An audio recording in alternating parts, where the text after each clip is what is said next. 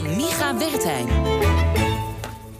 Terwijl de Hogeschool Utrecht deze week schipperde tussen wel of geen college geven over de Holocaust, werden mijn gedachten gekaapt door de NRC-podcast Hier hing een schilderij.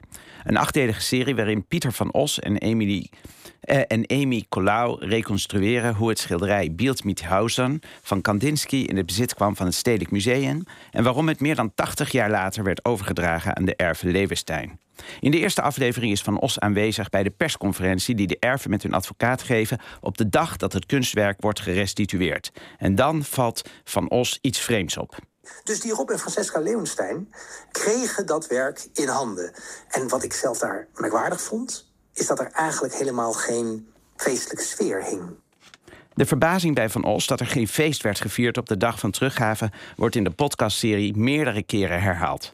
Dit deed mij de vraag reizen waarom Van Os eigenlijk een feeststemming had verwacht. Omdat het 80 jaar geduurd heeft voordat de schilderij eindelijk teruggegeven werd door het stedelijk? Of had er gefeest moeten worden omdat het 60 jaar heeft geduurd voordat het stedelijk überhaupt onderzoek ging doen naar de vraag of ze roofkunst in hun bezit hadden?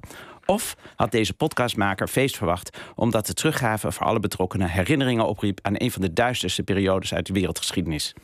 Ik vermoed dat Van Os bedoelde dat de Levensteins wat hem betreft feest hadden moeten vieren, omdat het schilderij werd dat werd teruggegeven inmiddels heel veel geld waard is. Maar toch, stel dat de erven Leeuwenstein inderdaad op de tafels hadden staan dansen en slingers hadden opgehangen. Zou Van Os dan wel tevreden zijn geweest? Natuurlijk niet. Dan had hij hun gedrag bewijs gezien voor hun werkelijke motieven. Dan had hij bewijs dat het hier niet om rechtvaardige restitutie ging, maar om sluwe lieden die enkel en alleen op geld uit waren. Zie daar in de notendop de reden dat veel Joden zelfs nu, bijna 80 jaar na de Shoah, geen zin hebben om achter gestolen goederen aan te gaan. De podcast waar ik dit fragment uithaal loopt over van dergelijke insinuaties, historische onjuistheden en een gebrek aan nuance. Zo stelt in aflevering 2 de voormalige voorzitter van de restitutiecommissie Fred Hammerstein dat het probleem is dat we nu geen slachtoffers meer hebben van het naziregime, want dat zijn, die zijn inmiddels allemaal dood.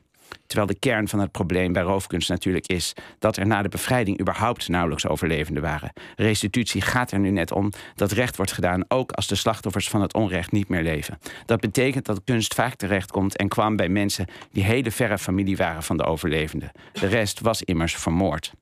Het enige tegengeluid dat we horen is van de advocaat van de Levensteins. Maar die wordt stelselmatig neergezet als een handige zakenman die vooral geld wil verdienen aan restitutie. Hij maakt, zo suggereren makers, deel uit van de zogenaamde Holocaust-industrie. Dat zonder zulke advocaten veel kunst nooit bij rechtmatige eigenaren zou zijn beland, omdat overheden, waaronder de Nederlandse, decennia lang op hun handen zijn blijven zitten, lijkt niet tot de podcastmakers door te dringen. NRC adverteerde de podcast door in reclames te stellen dat de omgang van Nederland met de Kandinsky ons iets zegt over het nationale schuldgevoel. En daarmee is de suggestie aan het begin van iedere aflevering weer dat het kleurrijke schilderij vooral is teruggegeven omdat Nederlanders zich zo verschrikkelijk schuldig voelen. Dat de makers na acht afleveringen schorvoetend toegeven dat het misschien ook iets met rechtvaardigheid van doen kan hebben, komt dan wel erg laat. Als iemand zich schuldig zou mogen voelen, dan zijn het wat mij betreft de podcastmakers. En de redactie van NRC, die, had die hen had moeten behoeden voor hun gemakzucht, eenzijdige berichtgeving en vooringenomenheid. Een extra lesje geschiedenis aan de Hogeschool Utrecht zou in ieder geval geen kwaad hebben gekund. Dank.